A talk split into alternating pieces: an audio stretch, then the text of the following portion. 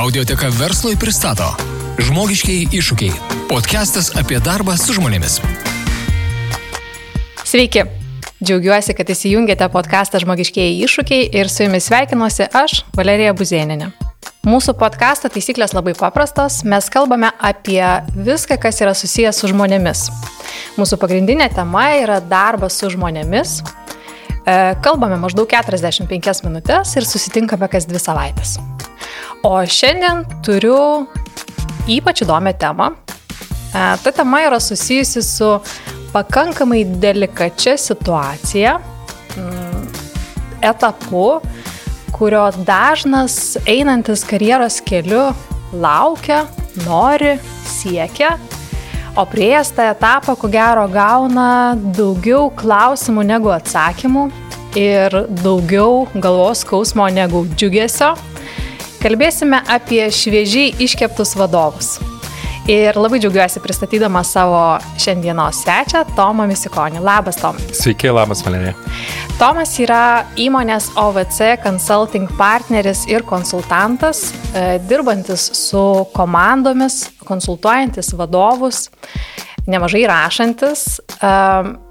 E, Tomas yra tokių uh, įspūdingų ir labai vertingų knygų leidinių Lietuvoje autorius kaip coachingo technikos, coachingo praktika vadovams, mm, dėmesio grupė, vadovas per 24 valandas ir ko gero daugiau galėčiau vardinti, taip Tomai. Dar straipsniai linkedinė. Taip, iš tikrųjų labai įdomus straipsniai. Mes taip pat esam su Tomu vieno iš lydinio bendraautoriai, Boso valanda. Tai iš tiesų ačiū labai Tomai, kad sutikai pasidalinti šiandien mintimis apie naujus vadovus. Ir pirmiausia, klausiu, kaip laikaisi? Ačiū, gerai, ruduo, man pats gražiausias metas, artėja mano gimtadienis, tai labai džiaugiuosi visko, kas, kas mane čia supa, ačiū labai. Tomai, norėjau klausti, šiuo metu nemažai kalbama apie tai, kad vadovo, ko gero, darbo turinys arba, na, ta agenda, ne, šiek tiek pasikeitė, nes nemažai komandų perėjo į nuotolinį darbą e, kas kelia klausimų su, susijusių su produktivumu, su komandos dinamika. Ar tai pakeitė tavo darbo specifiką, tavo pokalbį su vadovais? Iš esmės ne, mes gal tik tai pradėjom labiau dirbti per nuotolį, bet dabar grįžom vėl atgal į gyvus susitikimus ir gal tik tai kartais verčiami aplinkybių mes sustinkam, taip sakant, per kompiuterio ekraną, galbūt dėl to, kad kažkas tai, na, galbūt buvo atsidūręs ne ten, kur norėjo atsidurti ir jaučia kokius nors simptomus, tai va, tik tai dėl tokių apribojimų, dėl pandemijos mes kartais perinam į online. Bet šiaip mano realybė, vadovų realybė, ir mūsų sąveika beveik nepasikeitė. Mhm, supratau. Gerai, tai pradėkim kalbėti apie tai, apie ką sutarėm kalbėti ir iš tikrųjų mūsų mhm. su Tomu e, mintis šiek tiek e, sutapo, kai sus, susiskambinom, susiderinom kalbėti apie naujus vadovus. E, Tomas paminėjo, kad išeis ir straipsnis ir iš tiesų labai rekomenduoju paskaityti tą straipsnį. Jis vadinasi vadovavimas nepaaukštinimas, kokius požiūrius turi įgyti augantys vadovai. A, tai pradėkim nuo pradžių, Tomai priejom tą etapą, žmogus labai norėjo, gavo tą situaciją, yra paaukštinamas, vėlgi, ko gero, tai gali būti skirtinga situacija. Ne? Taip, tai, arba labai nenorėjo, bet jį paaukštino. Irgi būna, jo, tai iš tikrųjų tas vadovavimas ant mūsų užgriūna esant skirtingom situacijom. Ne? Tai gali būti, tarkim, organinis kažkoks verslo augimas ir tada žmogus galbūt šiek tiek labiau pasiruošęs tam prisijungimui Taip. kito žmogaus Taip. ir iššūkiui. Tai gali būti tai, kad žmogus yra vertingas specialistas, kaip tu Taip. sakai, ir tada jis yra, na, arba nori, arba yra įspraustas, e, kaip sako, up or out, ne, yra Taip, ir tokių sako, organizacijų. Sako, kad kadangi tau gerai sekasi tai, tai galbūt tu galėsi vadovauti tiems žmonėms, kurie tai daro. Tai mm -hmm. čia toksai momentas yra labai subtilus. Jo, ir gali būti ir tokia situacija pakankamai dažna, kad žmogus ieškosi galimybių, ne, jau Taip. pasiekęs tam tikrą savo profesinės brandos lygį, ieško ir ateina į jau susiformavusią komandą. Mm -hmm. Gal gali pasidalinti, kas atsitinka, kodėl tas laikotarpis naujam vadovui būna toks visgi nelengvas? Na, turbūt keletas čia dalykų apie tai, apie ką ir rašau ir apie tai, apie ką kalbu su vadovais. Uh, iš tiesų, pirmas momentas labai būna sunku paleisti tai, ką jie darė anksčiau. Na, įsivaizduokime, jeigu tai buvo specialistas, ekspertas, vadybininkas, tarkim, profesinių paslaugų profesionalas, tarkim, teisininkas arba konsultantas, tas pats ir ne iš mano srities. Uh, Ir e, mes e, savo šitą amatą, kuriuo mes užsiemam, ką mes bedarytumėm, ar tai pardavimai, ar teisinės paslaugos, ar vertimai, ar bet kas, mes metų metus kruopščiai tobulinam ir mes tampame savo veiklą. Ar ne, paimkim, pavyzdžiui, IT kompanijoje dirbantį bet kokį specialistą, Jisai, e, tas žmogus, e, ilgus metus, ilgus mėnesius ruošiasi, mokėsi, augo, gilinosi. Mhm jisai patyrė ir konkurenciją kitų žmonių, jisai patyrė ir kažkokias nesėkmes, jisai jas perlipo ir mes jau galim sakyti, kad žmogus turi tam tikrų pasiekimų ar ne savo amate. Taip. Ir staiga jam nutinka vadovavimas, aš taip ir sakau, nutinka, tai čia arba tau pasiūlo, arba tu pats nori ir staiga gauni netyčia arba tyčia. Ir staiga nutinka tam žmogui vadovavimas. Ir kas atsitinka tuo metu mūsų protose arba tų žmonių protose, nes aš pats lygiai tą patį patyriau dirbdamas korporacijai, uh, ilgai nesinori paleisti to, kame tu esi geras, to, ką tu darėjai metų metus. Ir labai sunku įsisamoninti, kad vadovavimas yra visai kita profesija negu, kad, pavyzdžiui, būti programuotoju, arba būti gerų teisininkų, arba būti puikiu vertėju, būti puikiu konsultantu. Ir kartais mes net juokaujam su jaunais augančiais vadovais, jie sako, na, aš suprantu, kad dabar turiu, tapęs vadovu, dabar turiu daryti tą patį, ką dariau, tik tai tris kartus daugiau ir tris kartus geriau, kad būčiau geras pavyzdys, puikus lyderis. Ir tai yra labai labai, turbūt sakyčiau, klaidus ir neperspektyvus mąstymas. Tai čia vienas momentas. Kitas momentas tai, kad pasikeičia santykiai labai stipriai. Jeigu anksčiau tas žmogus komandai be kažkokių didesnių barjerų bendravo su savo komandos bičiuliais, komandos kolegom, tai šiandien a, vadovai kankinasi, aš tą ir noriu žodį panaudoti, kankinasi ieškodami tinkamo atstumo, ne per arti ir mhm. ne per toli nuo komandos. Ir ypatingai dabar a, su pandemijos pokyčiu, su tuo išėjimu dirbti online, a, tai šitas klausimas ypatingai yra labai aktuolus. Kiek man eiti į žmogų, kiek man prisileisti, kiek man pačiam būti atvirų, pažeidžiamų. Tai va tie klausimai irgi labai svarbus. Na ir turbūt sakyčiau emocinis fonas. Tai yra, kad a, jeigu anksčiau neteko išgyventi kažkokių situacijų susijusių su žmonėmis, jos vyko šalia ir tu nebuvai jų dalyvis, mhm. arba jeigu buvai dalyvis, tai, kaip čia pasakyti, tokiam labai siauroj mažoj dėžutėje tu buvai dalyvis. Šiandien, a, jeigu jūs paklausytumėte atvirų vadovų pasakojimų, o man tenka juos girdėti, dėkoju savo darbų už tai, tai taip apibendrintai galiu pasakyti, kad Na, vadovai be galo daug išgyvena emocijų ir kas yra didžiulė bėda, jie tų emocijų negali parodyti arba negali išreikšti taip, kaip jas anksčiau išreikšdavo. Pavyzdžiui, kolega komandai gali nusikeikti. Nu, velnės užkniso ir taip toliau, mhm. ne kažkokie žodžiai.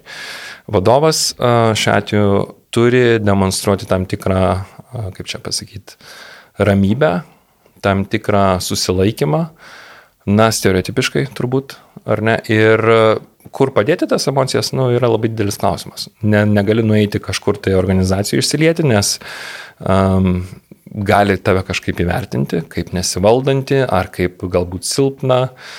Ir nežinia, kokią tą pagalbą išorėje galima pasinaudoti ir ar apskaitai ją galima pasinaudoti. Tai, sakyčiau, santykių pokyčiai, e, emocinio krūvio pasikeitimas ir negebėjimas paleisti to, ką darėme anksčiau, yra tie iššūkiai.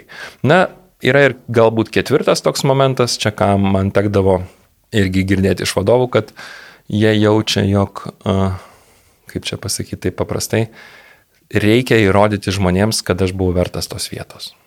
Mhm. Ir va čia yra labai įdomus momentas, kad a, šalia tų darbų, kuriuos vadovai daro, jie dar galvoja, na tai kaipgi aš tą savo autoritetą ar statusą čia suformuosiu, kaip aš galbūt pateiksiu save kaip lyderį, kaip tą žmogų, į kurį galima atsiremti.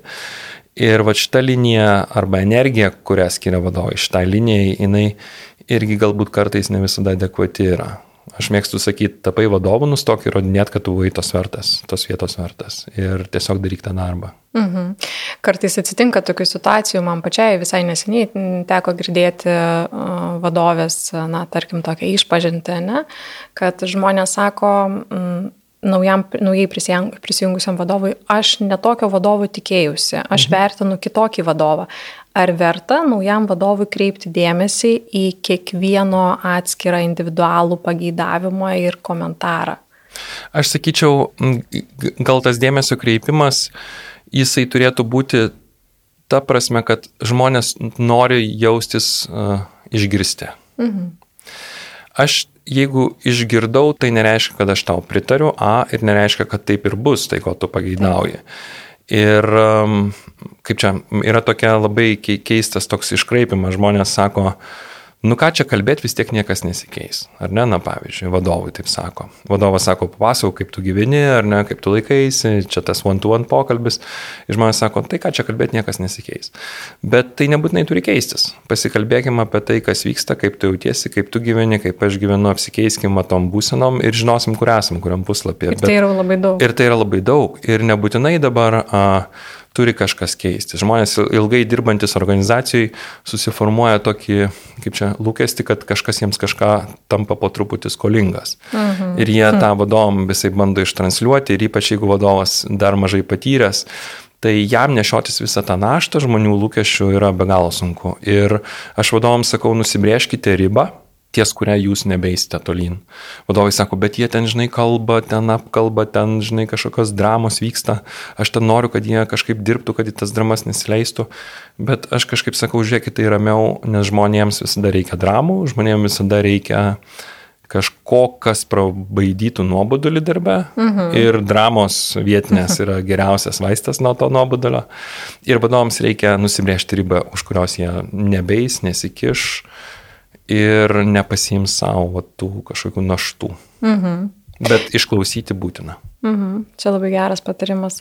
Tomai, grįžtant šiek tiek prie tavo straipsnio, kurį jau paminėjom, ten yra labai tokia vertinga išsakyta mintis, ne, kad vadovas turėtų pirmiausiai galvoti ne ką man daryti, o kuo man tapti. Ir norisi tą frazę, žinai, tą mintį taip šaukšteliu girdyti mhm. ne tik mhm. naujus vadovus, bet ir, ir esamus vadovus, jau turinčius patirtį. Tai grįžtant prie tos e, pagrindinės e, minties, tai kuo jis visgi turi tapti? Gal aš dar truputėlį apie šitą frazę, aš noriu ją šiek tiek dekonstruoti ir tada prieisiu prie to tapimo. Okay. Ką man tenka girdėti kiekvieną savaitę, tikrai taip labai labai apgalvotai sakau, kad kiekvieną savaitę aš vadovų klausiu auditorijose, sakau, na tai ten, ko tikitės, arba mhm. kokie lūkesčiai, vat, kokių čia galbūt rūpeščių turite. Na ir ateina klausimai, ką man daryti, kai darbuotojas nekalba. Ką man daryti, kai ten žmogus negali dirbti, bet man reikia, kad jis dirbtų. Ir va čia yra pradžia to neperspektyvaus mąstymo, kada receptai, ką daryti, jie yra. Jos galima rasti Google. Tiesiog kaip motivuoti žmonės, ką sakyti, kai žmonės nekalba, ten yra atsakymai. Bet ką aš pastebėjau, kad, e, kad ir kokie atsakymai būtų, vadovams jie, na kaip, nepatinka. Jie nesukuria komforto jausmo. Mhm. Jie ragina eiti drąsiai į situaciją, jie ragina eskaluoti konfliktą, jie ragina kalbėti apie tai, apie ką nekalbama. Ar ne? Pavyzdžiui, susėdo du žmonės, vadovas klausia, kaip gyveni, žmogus sako normaliai. Vadovas tyliai ir nežino, ko klausti.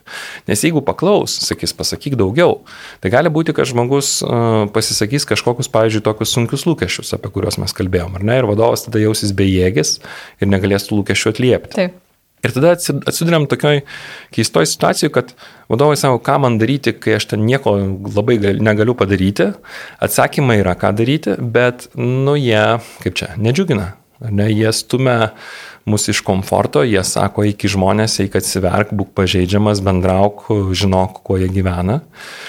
Ir tada aš pradedu galvoti, kad tai ne apie receptus, kad tai yra ne apie tą instrumentinį mąstymą, tai kokį man dabar čia instrumentą panaudoti, kad, nežinau, atsivertų žmogus. Tai yra apie tapimą, o tapimas man tai yra pirmiausia apie santykį su kitais žmonėmis. Ar mhm kai vadovai sako, kaip man prakalbinti žmogų, čia beje vienas populiariausių klausimų, aš visada juokauju, sakau, pasimk lituoklį ir visi tikrai prakalba, kai lituoklį įjungi arba lygintuvą. Tai aišku, mes irgi taip juokaujam.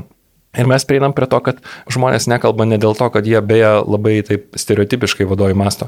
Jisai nekalba, nes intravertas. Arba intravertas, tai dėl to nekalba. Mhm. Tai čia irgi labai toks, na, sakykime, grubus pabėgimas iš situacijos. Tai yra apie santyki. Ar tas žmogus, tave mielas vadovė, patiria kaip tokį, su kuriuo galima kalbėtis? Tai tada klausimas, ne ką tu darai, o koks tu? Ar tu tam žmogui tame santykė gebi sukurti psichologinį saugumą? Tada vadovai sako, tai kaip kurti psichologinį saugumą? Jūs sakau, pavyzdžiui, nustok vertinti žmogų. Arba nustok ciniškai jokauti jo adresu. aha, bet sako, bet tada, nu, aš nebebūsiu aš. Ir čia vėl yra apie tai, tai kas tu, o ne ką tu darai. Ir kai aš kalbu apie, apie tapimą, aš kalbu apie tam tikrų pozicijų užėmimą. Nu, pavyzdžiui, vietoj vertinančios pozicijos užimti palaikančią poziciją. Vietoj žinojimo pozicijos užimti smalsumo poziciją. Ir tai yra pozicijos, tai yra, kaip čia pasakyti, proto būsenos. Ir tai yra apie tapimą, o ne apie kažkokių instrumentų panaudojimą sąveikui su kitu žmogumu. Mhm. Ir tai yra labai svarbu pačiam žmogui tapti, ne? nes aš galvoju, mes daug kalbam apie tai, ką vadovas galėtų sakyti, kaip jis turėtų parodyti, neparodyti, mhm. bet visą tai mes transliuojam iš savo vidinės taip, būsenos. Taip. Jeigu aš galvoju, kad aš turiu teisintis, kad aš vadovas, tai mhm. tada tai ir parodys, taip, ne? Mano kažkokia frazė, kažkoks galbūt tonas, kažkur galbūt kūno kalba. Tai labai svarbu yra. Tomai, o jeigu mes pažiūrėtumėm, kai tu sakai, kad tai yra santykis, ne? jeigu mes pasižiūrėtumėm į kitą santykių dalyvį, į komandą, mhm.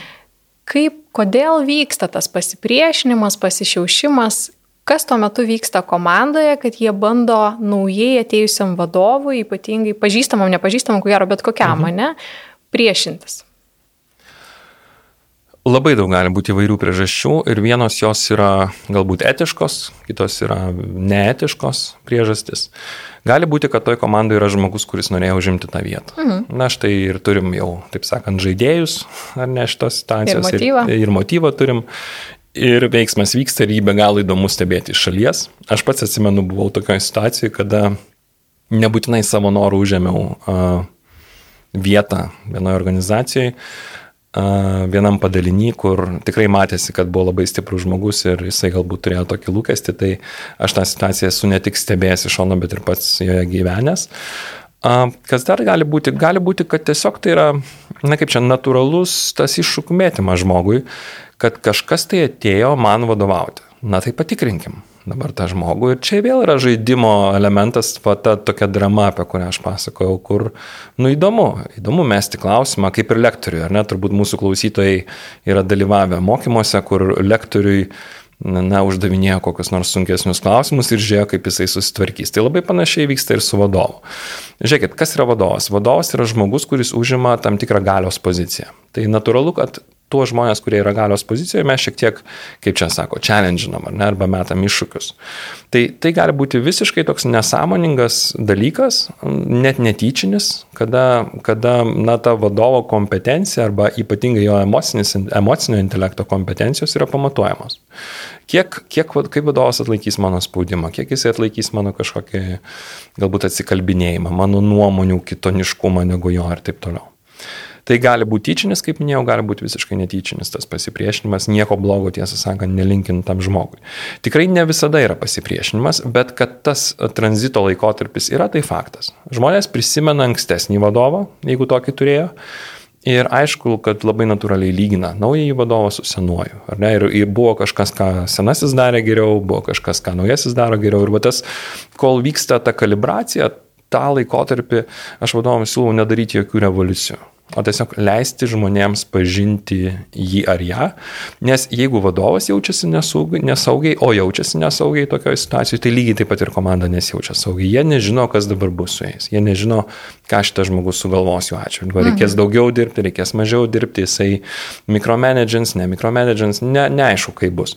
Tai dėl to aš vadovom patariu va, tos pirmus 2-3 uh, mėnesius, o šiaip maždaug tiek laiko ir vyksta va, ta kalibracija, klausti žmonių Kokios, pavyzdžiui, buvo pas jūs geriausios patirtis šitoje komandoje? Mhm. Kokios buvo blogiausios patirtis?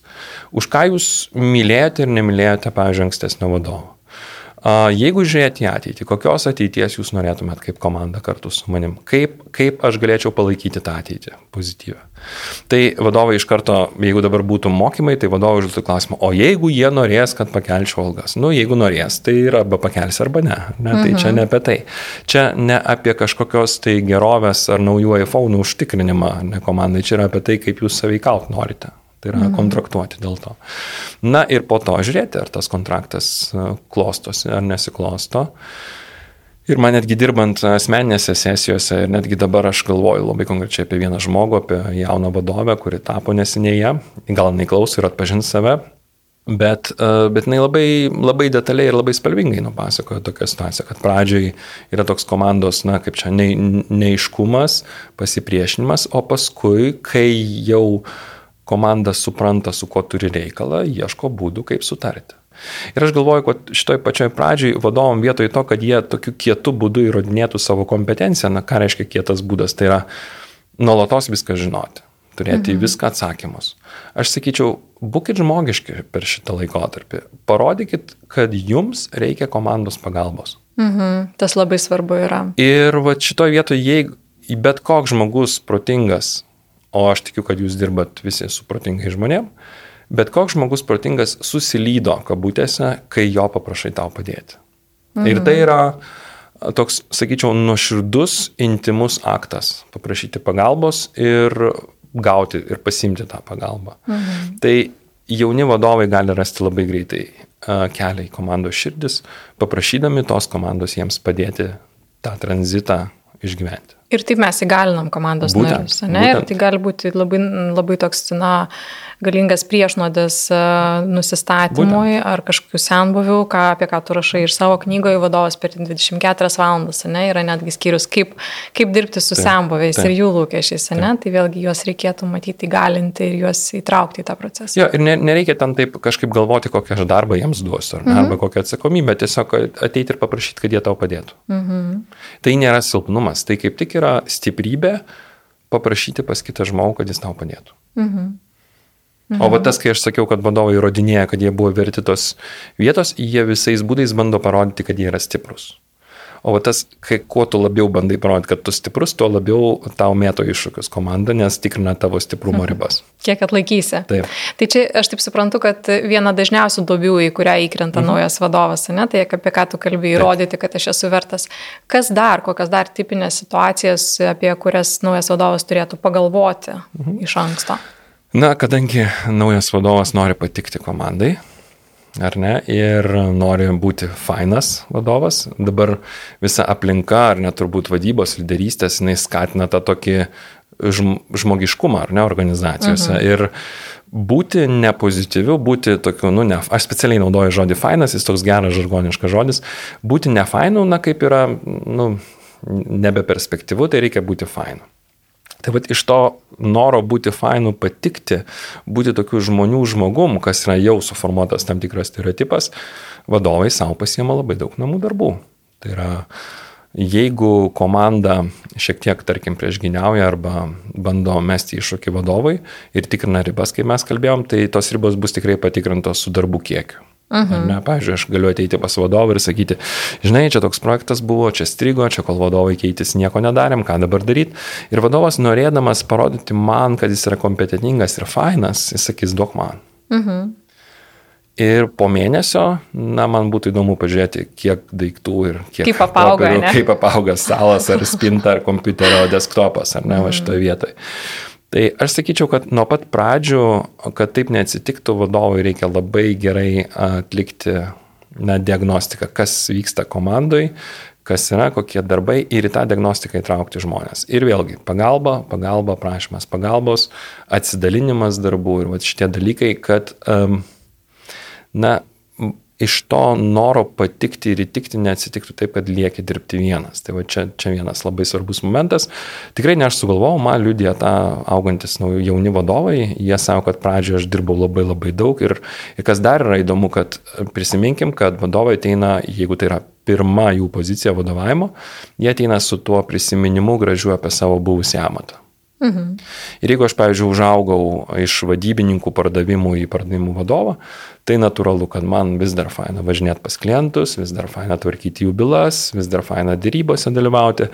Ir aš netgi noriu parodyti tą pavyzdį kitiems žmonėms, kaip... Nes toks čia, yra patarimas. Ne, nes toks Parodyk yra patarimas. Taip, nes lyderystė tai yra apie buvimą pavyzdžių, vėlgi šiek tiek stereotipiškai.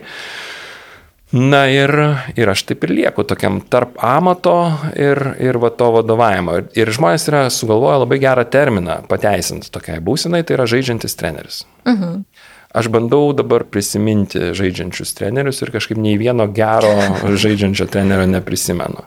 Ir aš galvoju, arba tu lieki žaidėjo, arba tu tampi treneriu. Tai čia taip yra. Ir jeigu kažkam labai patinka sporto metaforos, ar tos aluzijos į sportą, tai pažiūrėkit, ką daro treneriai. Jie turi liniją, už kurią peržengus gauna baudų mhm. nuo teisėjo. Teisingai. Tai Tai čia irgi n, tikrai nebėga Jasikevičius mėtyti tritaškių, kai reikia padėti komandai. Paskutinę minutę. Jo, tai va čia dar kuo skiriasi organizacija nuo sporto, čia dar mhm. atskiria labai įdomi tema, kurią aš gildenu. Aš randu daugiau skirtumų negu panašumų, bet čia gal ir sustos.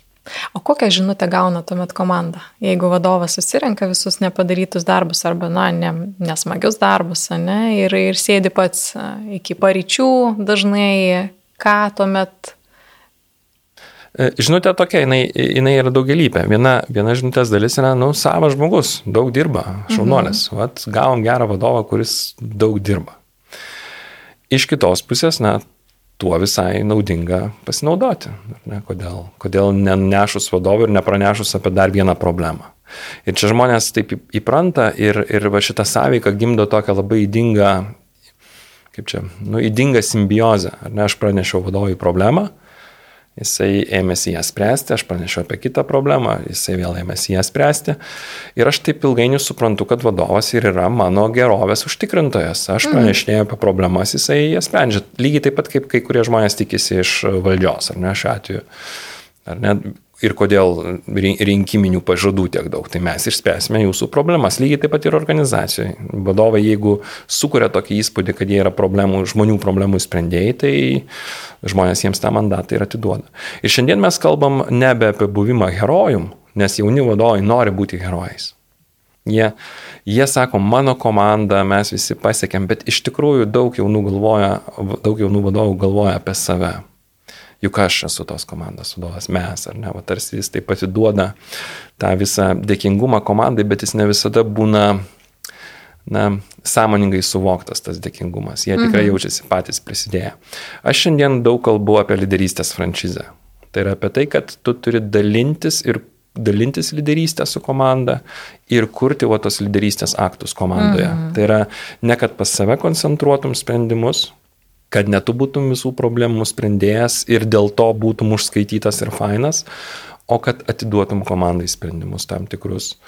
Pavyzdžiui, paprašyti pagalbos pas komandą jau yra lyderystės franšizė. Tai yra, tu daliniesi tą lyderystę. Mhm. Ir kai kuriem vadovom tai yra gazinanti situacija, nes o ką jau komanda pagalvos, kad aš nesusitvarkau. Ir sakyčiau, tai yra labai pakankamai siauras požiūris, Pabandykit, pamatysite, kaip komanda reaguos. Pradžioje galbūt jie nusteps, pradžioje galbūt jie jūs lygins su ankstesniu vadovu, kuris viską už juos darė, bet e, ilgainiui pamatysit, kaip, kaip išsispręs santykiai ir jūs iš tokio tėtis vaikai ar mama vaikai santykio pereisite į suaugusius su suaugusius santykiai. Ir tvarumas visai kitaip veikia, ne? Mhm. Aš vėlgi kalbu tai ne teoriškai, aš kalbu tai iš daugybės liudymų, iš daugybės vadovų transformacijų, kuriuose, kurias stebėjau tiek iš šono, tiek juose dalyvavau. Ir tai yra tikri vadovų liudymai. Tai, ką aš mhm. sakau, tai nėra kažkas, ką mes konsultantai sugalvojame kaip kažkokią madą ar, ar kažkokią naują, naują kryptį mhm. vadovavimą. Okay. Tomai, grįžtant šiek tiek prie santykio, ne? mes kalbėjom apie, apie tą naują vadovą ateinantį, apie komandą, ką jinai jaučia ir kodėl jinai vienai par kitaip elgesi, bet yra ir daugiau tų santykių dalyvių ir aš čia kalbu apie organizaciją ir pirmiausiai apie tą na, organizacinę, tarkim, senelio vaidmenį, ne? Mhm. apie vadovo vadovą. Ir čia ko gero labai svarbu, kaip jis paruošia tiek komanda, tiek kaip jis iškelia tikslą naujam vadovui ir kokie yra sudėti akcentai. Ar turi kažkokių pastebėjimų, kaip geriau elgtis vadovo vadovui, ruošiantis naujam paskirimui, naujam ateimui? Vienareikšmiškai iš toje vietoje jis turi tapti ne tik vadovo vadovu, kas yra jau užprogramuota, bet ir to vadovo mentorium mhm. vadovavime.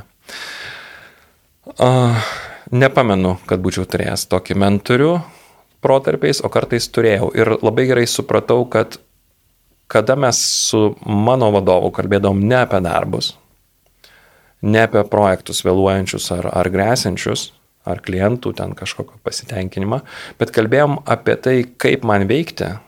Ir aš iš jo, iš jo ar jos išgirdavau, ir tai yra labai konkretų žmonės, iš tų žmonių aš išgirdavau, na, tokį ir rūpestį, ir pagalbą man tam tikrose situacijose. Tai aš sakyčiau, tai ne mokymai ir tai net ne kažkokie tai uh, ar perskaitos knygos man labiausiai padėjo, būtent padėjo labiausiai tos konsultacijos su tai žmonėm, kurie jau gyveno ir išgyveno tame laukia, kuriame aš irgi dabar atsidūriau. Aišku, mokymai ir knygos yra tokiam savarankiškom ugdymuisi, ką aš galiu irgi nusinešti pas vadovą ir paklausti, bet aš perskaičiau taip, o kaip tu tai darai. Mhm. Tai aš sakyčiau, man jauniem vadovam norisi pasakyti, eikit drąsiai pas savo vadovus ir prašykite pagalbos. Vienas dalykas. Kitas dalykas, uh, būtinai apsikeiskite lūkesčiais. Mhm. Ir vadovai sako, bet tai aš žinau lūkesčius. Aš sakau, kokie jie. Tai jie sako, yra KPI su sąraše. Sakau, čia nėra lūkesčiai, čia yra verslo tikslai, kuriuos tu turi pasiekti. Lūkesčiai tai yra kaip tu veiki, koks tu esi, kaip tu elgiesi. Nes kiekvienas vadovas ir aukščiausi vadovai, jie turi savo realybės suvokimą. Tai yra kaip turi funkcionuoti to žemiau galbūt, na taip kabutėse, šnekant, esantis padaliniai ir šiuo atveju tas jaunas vadovas. Aiškiai žinokite, kaip jūsų vadovas įsivaizduoja, kaip jūs turit funkcionuoti. Ir jeigu kažkur yra ta takoskira tarp jūsų ir to žmogaus suvokimo, tai tą takoskirą išsigryninkit ir sutarkit tai, kaip turi būti. Mhm. Nes vadovai kartais sako, jauni vadovai sako, aš tikslus vykdau, bet prie manęs vis tiek kabinėjas. Mhm. Čia yra va ta vieta, kur ko gero nesat sutarę um, Apie kaip, kaip. Jūs kartu, apie kaip jūs kartu saveikausit, kaip jūs veiksit. Ir nu, pavyzdys, tokia klasikinė situacija, komanda apeina savo vadovą, tą jauną vadovą ir nueina pas tą senbuvį aukštesnį vadovą, pamindama šiek tiek, na, subordinaciją ir, ir lyderystę to žmogaus ir jį pažemindama šiek tiek. Ir išsisprendžia reikalus tenai. Tai va, tai, gali, tai gali atvesti iki tokios situacijos, kada abu vadovai nėra sutarę, kaip, kaip jie savykaus, pavyzdžiui, su komanda, kur kieno ribos prasideda, kur kieno baigėsi. Tai vadovavimas nėra tik, na kaip čia stereotipiškai, tik į apačią. Vadovavimas yra ir į viršų. Tai yra, mhm. kaip tu vadovausi savo vadovui arba kaip tu susitarsi, kad jūs kartu saveikautumėte. O čia yra labai svarbi vieta. Ir nepamirštant, vadovavimas yra ir į šonus. Tai yra, aš vadovom, jauniem vadovom, jeigu jie neturi ten, tarkim, šalia coachingo specialisto arba um, jiem padedančių personalo partnerių, vat, konsultuojančių stipriai. Aš sakau, eikite pas lygiai grečius vadovus mhm. ir kurkit ne tik profesinį, bet ir savijautos klubą. Kalbėkite apie tai, kaip jūs jaučiatės, kaip šito organizacijoje būti.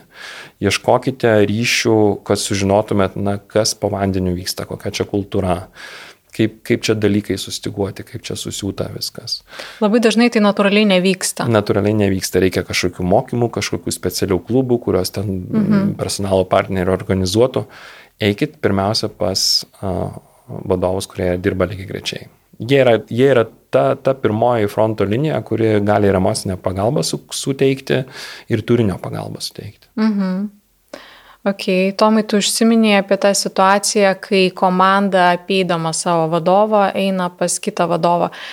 Kaip čia turėtų elgtis tas vadovo vadovas, kad jisai užtvirtintų tą mandatą, nepasitikėjimą, kad jis e, nubrėžtų, nes kartais netgi, na, susitarimo galbūt e, neužtenka, kurį laiką vis dar vyksta iš įpročio. Pasakyti ne. Pasakyti mhm. ne. I'm not available, ar ne, nu manęs nėra, jūs mhm. turite vadovą. Ir jeigu komanda sako, bet anas vadovas kažką, tai va čia yra labai gera vieta e, jiem komandai padėti priimti savo vadovą. Komandai duoti grįžtamą ryšį apie tai, kad galbūt jie nepanaudoja to vadovo potencialą arba jį naudoja netinkamu būdu. Mhm. Tai aš, aš, pavyzdžiui, jeigu aš būčiau tas aukštesnis vadovas, aš paklausčiau komandos, ką jūs padarėt, kad padėtumėt tam vadovui padėti jums. Mhm. Aš netgi rašiau apie tai tekstą.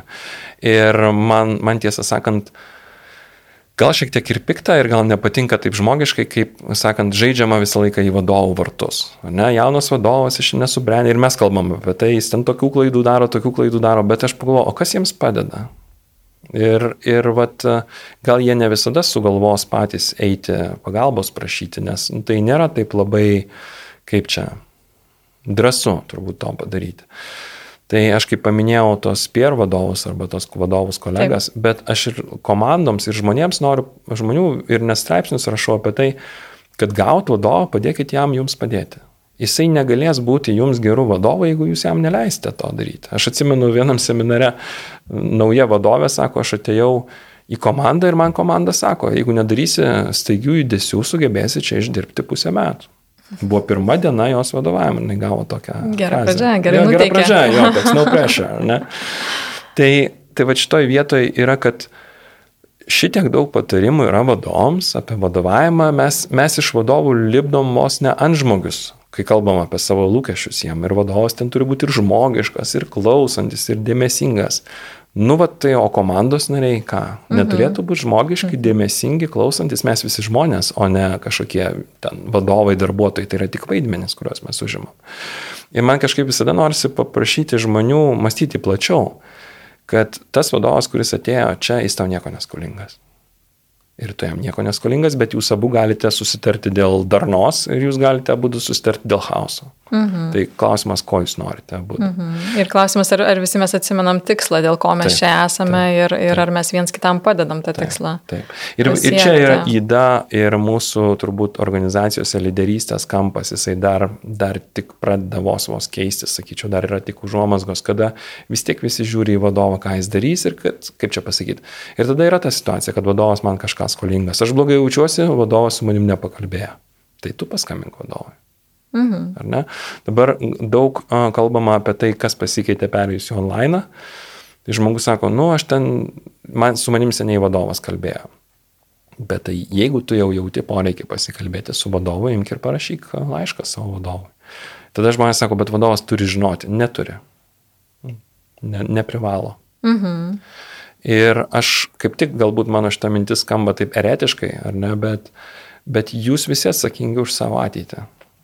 Ne, o ne vienas tas vadovas. Ir, ir man labai būna liūdna, kai tam jaunam vadovui ne tik vadovybė sukrauna lūkesčius ant pečių, KPI su išaiška ir, ir ten kažkokio elgesio etiketo išaiška. Čia kaip atsimenu, vienas jaunas vadovas atėjo į coachingo sesiją, sako, man vadovybė liepia būti charizmatišku. O jis toks, na, kaip čia, labai labai išlaikytas, ramus žmogus. Ir mes su juo daug dirbom ir supratome, ir jisai ypatingai suprato, kad būti gerų lyderių nereiškia turėti kažkokią charizmą ar ne, ten, jo, ten būti vakarėlio siela ir taip toliau. Tai vad e, tokie lūkesčiai, bet, bet ir komanda turi lūkesčių, kad tas vadovas būtų nuostabus, geras, klausantis, žmogiškas, reaguojantis nuolatos į mane. Neįmanoma vienam žmogui sužiūrėti daugybės kitų žmonių savijautų arba mhm. tų savijautų pokyčių. Mhm. Todėl, kai ateinat pas savo vadovą ir jis jūs klausia, kaip laikaisi, ne, nesakykit normaliai arba gerai. Aš suprantu, kad tas klausimas pradeda užknisti visus, bet tas normaliai ir gerai, aš sakyčiau, yra nu, tokio nihilizmo, sakyčiau, apraiška mhm. ir, ir abejingumo. Čia labai iš tikrųjų svarbi tema - emocinė būsena, emocinė būklė, emocinė sveikata vadovų, nes mes kalbam apie tai, kad organizacija rūpinasi emocinę savijautą darbuotojų mhm. ir yra įvairūs na, priemonės, įvairūs įrankiai, bet iš tikrųjų didžiausia atsakomybė ir didžiausias krūvis lūkesčių ir, na, ir, ir, ir, ir emocijų ir to viso fono tenka vadovui. Ar turi daugiau kažkokių patarimų, va, tu jau paminėjai, kad kalbėtis su savo vadovu ir kalbėtis ne tik apie įnamuosius reikalus, kalbėtis su šalia esančiais vadovais, ar yra dar kažkokių dalykų, ką tu ypatingai išskirtum ir patartum? Aš vakar galvojau beje apie tai ir galvojau tokį vieną, vieną įdomų skirtumą. Pas ne klientų tarpe, visiškai nekalbant apie paslaugas, bet labiau su, susikoncentruojant į pačius vadovus, man, man įdomus skirtumas, kai kurie vadovai skambina man ar mano kolegom ar ne, coachingo specialistam ir sako, aš noriu ateiti pas jūs. Ir tam mes klausim, čia organizacijų siunčia. Ne, ne, sako, aš noriu pats susimokėti už konsultacijas ir aš noriu uh, savo paieškoti pagalbos, kaip man mat, padaryti ar tranzitą, ar kažkokias sunkesnės situacijas išspręsti. O kitur, pavyzdžiui, būna ateina vadovai, sako, mane čia atsiuntė personalas į sesijas ir um, čia nežinau, ką man reiks daryti. Aš sakau, tai ar jūs turit kažkokių iššūkių, apie ką nors norėtume šnekėti. Nu, šiaip tai nelabai turiu, bet kadangi čia reikia ateiti, tai aš atėjau. Ir aš tai galvoju, va toks labai įdomus skirtumas, kad vieni ieško labai aktyviai tos pagalbos, o kiti galbūt nebūtinai ieško pagalbos, o gal net kartais ir nenori pamatyti tam tikrų situacijų, kurias reikėtų spręsti. Ir aš sakyčiau, kad be, be tų tokių greitai pasiekimų dalykų, tai yra bendravimas su savo vadovu arba su lygiai grečiais vadovais, yra visų pirma pagalbos išorėje ieškojimas. Ir aš esu matęs labai daug situacijų, kada žmonės suprato, kad jiems reikia pagalbos, jie ją susirado, jie grįžo į įmonę ir paprašė, kad jiems tą pagalbą apmokėtų. Mhm. Aš neku dabar labai žemiškus, labai praktiškus yeah. dalykus. Uh, ir jiems pavyko susitarti. Ir, ir čia nėra jokios aukštosios matematikos ar kažkokių sudėtingų dalykų. Nori pagalbos, susiradai ir, ir išsimušiai resursus, kad už tą pagalbą tau apmokėtų. Tai aš tikrai raginu vadovus tą daryti, eiti į personalą, eiti pas savo vadovus ir prašyti, kad jiems būtų ta pagalba suteikta iš išorės. Nes dabar šita išorinė pagalba kaip niekada yra ir populiari, ir vertinama. Na, va, vienas dalykas, o kitas dalykas, tai nepamirškim komandos. Ne, mhm. Kreiptis į savo komandą ir savo komandoje pradėti kalbėtis apie sunkumus, kuriuos galbūt komanda patiria ir kuriuos aš patiriu kaip vadovas su komanda. Mhm. Okay. Tomai, aš dar norėčiau šiek tiek grįžti prie straipsnio, mhm. jeigu tu man leisai. Ir e, turiu pasižymėjęs vieną labai įdomią mintį, kad transformacija iš specialistų į vadovą, kas vat, būtent kalb, kalbant apie tos šviežiai iškeptus vadovus, ne, ir joje užstrigę vadovai a, vadinami nebrandžiais, nepaisant to, kad išmano savo sritį. Ką reiškia užstrigti toj tran, transformacijoje ir kaip tai atrodo? Duosiu pavyzdį. Pavyzdžiui, vadovas, taip vadinamas team leadas, ar ne, taip vadinami dabar komandų vadovai IT kompanijose ar kitur panašiose srityse. Ką reiškia užstrikti? Užstrikti, pavyzdžiui, jie, jie turėjo kažkokius draugiškus, bičiuliškus santykius visi. Mhm. Ir štai dabar nutiko metinis pokalbis, one-to-one, taip vadinamas žargonu. Na ir tas vadovas sako, na tai klausyk, tai kaip tu gyveni. Na, nu, tas žmogus sako, nu, normaliai, viskas gerai, dirbu. Ir tada vadovas puikiai supranta, kad jeigu jis toliau vystys gilesnį pokalbį, jisai išeis iš to buvusio santykio ir ateis į naują santykį, kur jis tampa šiek tiek gal ir galios pozicijoje ir jie abu įeina į tokį naują intimumą, Ir tas pradeda gazdyti, ar ne, kad ar aš suvaldysiu tą pokalbį, ar aš mhm. sugebėsiu su tą savijautą susitvarkyti. Labai toks, pavyzdžiui, vienas iš signalų tokio nepatogumo yra tai, kad netoleruojamos yra pauzės. Uždaviau klausimą, žmogus tyli, vadovas neištvėrė ir pats pradėjo kalbėti toje pauzėje. Ar ne? Nu, tada nevyksta pokalbis, vyksta mhm. toksai, nu, kažkoks monologas. Ir ką aš bandau pasakyti, kad va, tas užstrigimas yra neįimas į naują santykį, tą vadovo darbuotojo intimumą, tokį gilų bandymą suprasti vienas kito ir norėjimas likti tam tokiam patogiam bičiulių draugelių santykėje. Mhm. Ir kai aš sakau nebrandu, aš taip labai tiesiai šviesiai ir sakau, tai nėra brandu, žiūrint apie vadovus. Jeigu tu lieki toksai draugelis, na tai tu vadovas esi tik tai ta prasme, kad tu gali atsakyti žmogui klausimą, kaip padaryti kažkokį darbą geriau tu lieki toks, nu, kaip čia, žinovų, bet tikrai ne, ne vadovų. Mhm. Ir vadovai, ir vadovai, ir mes konsultantai, ir, ir personalo žmonės, visi sakom tokią vieną frazę naudojam. Nu, reikia, tikras vadovas, tai turi dirbti su žmonėm. Bet tas, žinai, toks dirbti su žmonėmis man toks biški jokingas kartais atrodo. Man atrodo, kad nu, ateina žmonės į bendrą patalpą į biurą ir dirba kartu. Tai ir vadovai ten būna, tai vad dirba su žmonėm, ar ne, viskas, va tas darbas tom ir baigėsi. Ir va tas darbas su žmonėmis tai pirmiausia yra kalbėjimas apie žmonių vertybės, apie jų požiūrius, apie jų savijautą, apie jų kažkokias rutinas, santykius. Tai yra tos temos, į kurias tau, nu, arba tu turi įeiti giliai, arba nėra ten ko eiti. Mhm. Ir užstrigimas man yra tai būtent neįimas į tai, ka, kur priklauso eiti vadovui, o pasilikimas ten, kur buvo patogu. Amate, ar pažįstamoje aplinkoje, ar tokiuose, nu, kaip čia pasakyti, intimumo ir streso pavojaus nekeliančiose situacijose. Tai va čia man yra ne apie brandą, o apie tokį, nu, pasilikimą draugeliu ir tokiu, va, mhm. nu, čia mane paskyrė žmonės, bet žinokit, niekas nesikeis, čia viskas bus gerai. Bet iš mhm. tikrųjų keisis, tu mhm. jau pasikeitai. Ir ta komanda yra šiek tiek apvogiama tada, ne? Gal apvogiama, nieks nežino, koks šitas potencialas gali būti, ar ne, tokioje situacijoje, bet, na, ta komanda neturi vadovo. Mhm.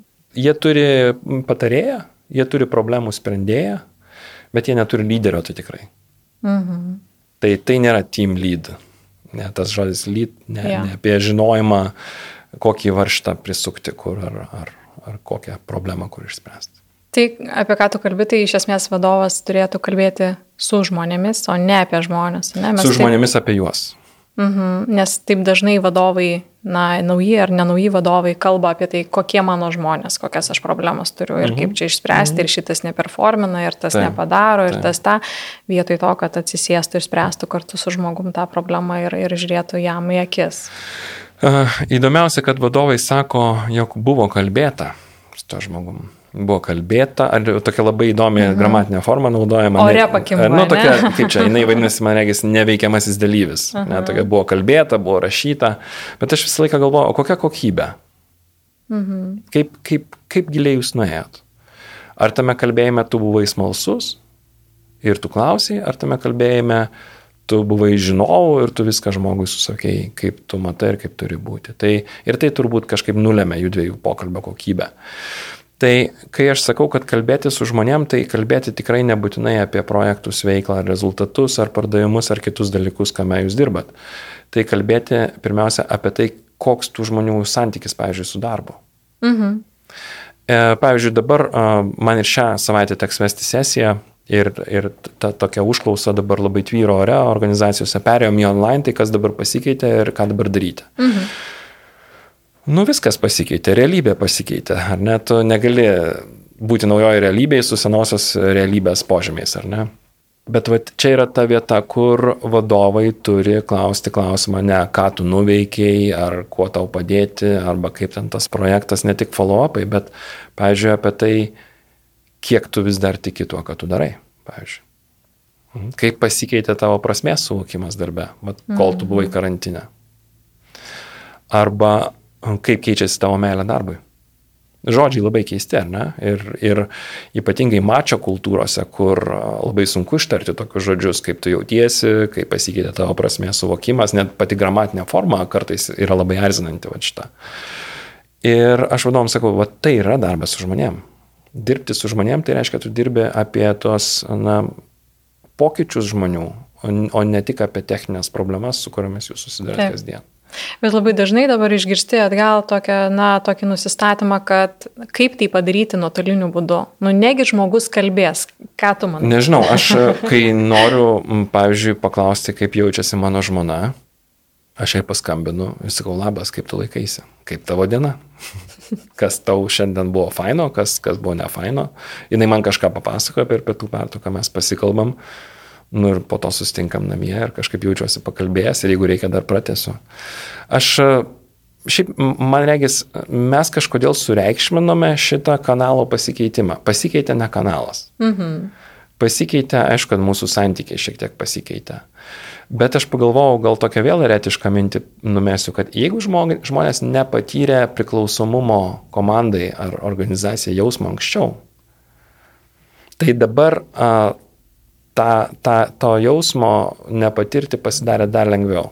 Mhm. Dėl to, kad mes tiesiog Pritariu. kartais fiziškai atsi, atsikabinome vieni nuo kitų. Ir, na, dabar jau mes nebegalim to suvaldyti. Anksčiau, pavyzdžiui, žmonės susirinkimuose sėdėjo, na, jie ten buvo fiziškai, buvo galima manyti, kad jie ten priklauso. Bet jeigu tas žmogus nenorėjo tada sėdėti susirinkime, jis dabar turi visas galimybės jame iš tikrųjų nebūti. Išsijungti kamerą, pavyzdžiui. Tai reikia kalbėti ne apie tai, ką man daryti dėl to, kad perėjom į online. Aš vėl grįžtu prie to klausimo, o tai kuo man būti tada tam žmogui, kad jisai toliau norėtų su manim tęsti mhm. ryšį. Ne tik su manim, bet ir su organizacija.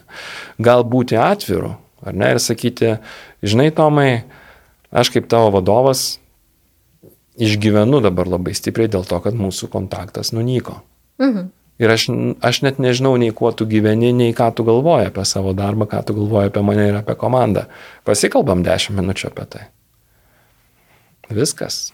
Ne, aš nelabai suprantu, kodėl mes neturėtumėm kalbėti dėl to, kad mes turim, na, nežinau, Teamsus ar Zoomą, o nebe gyvą susitikimą.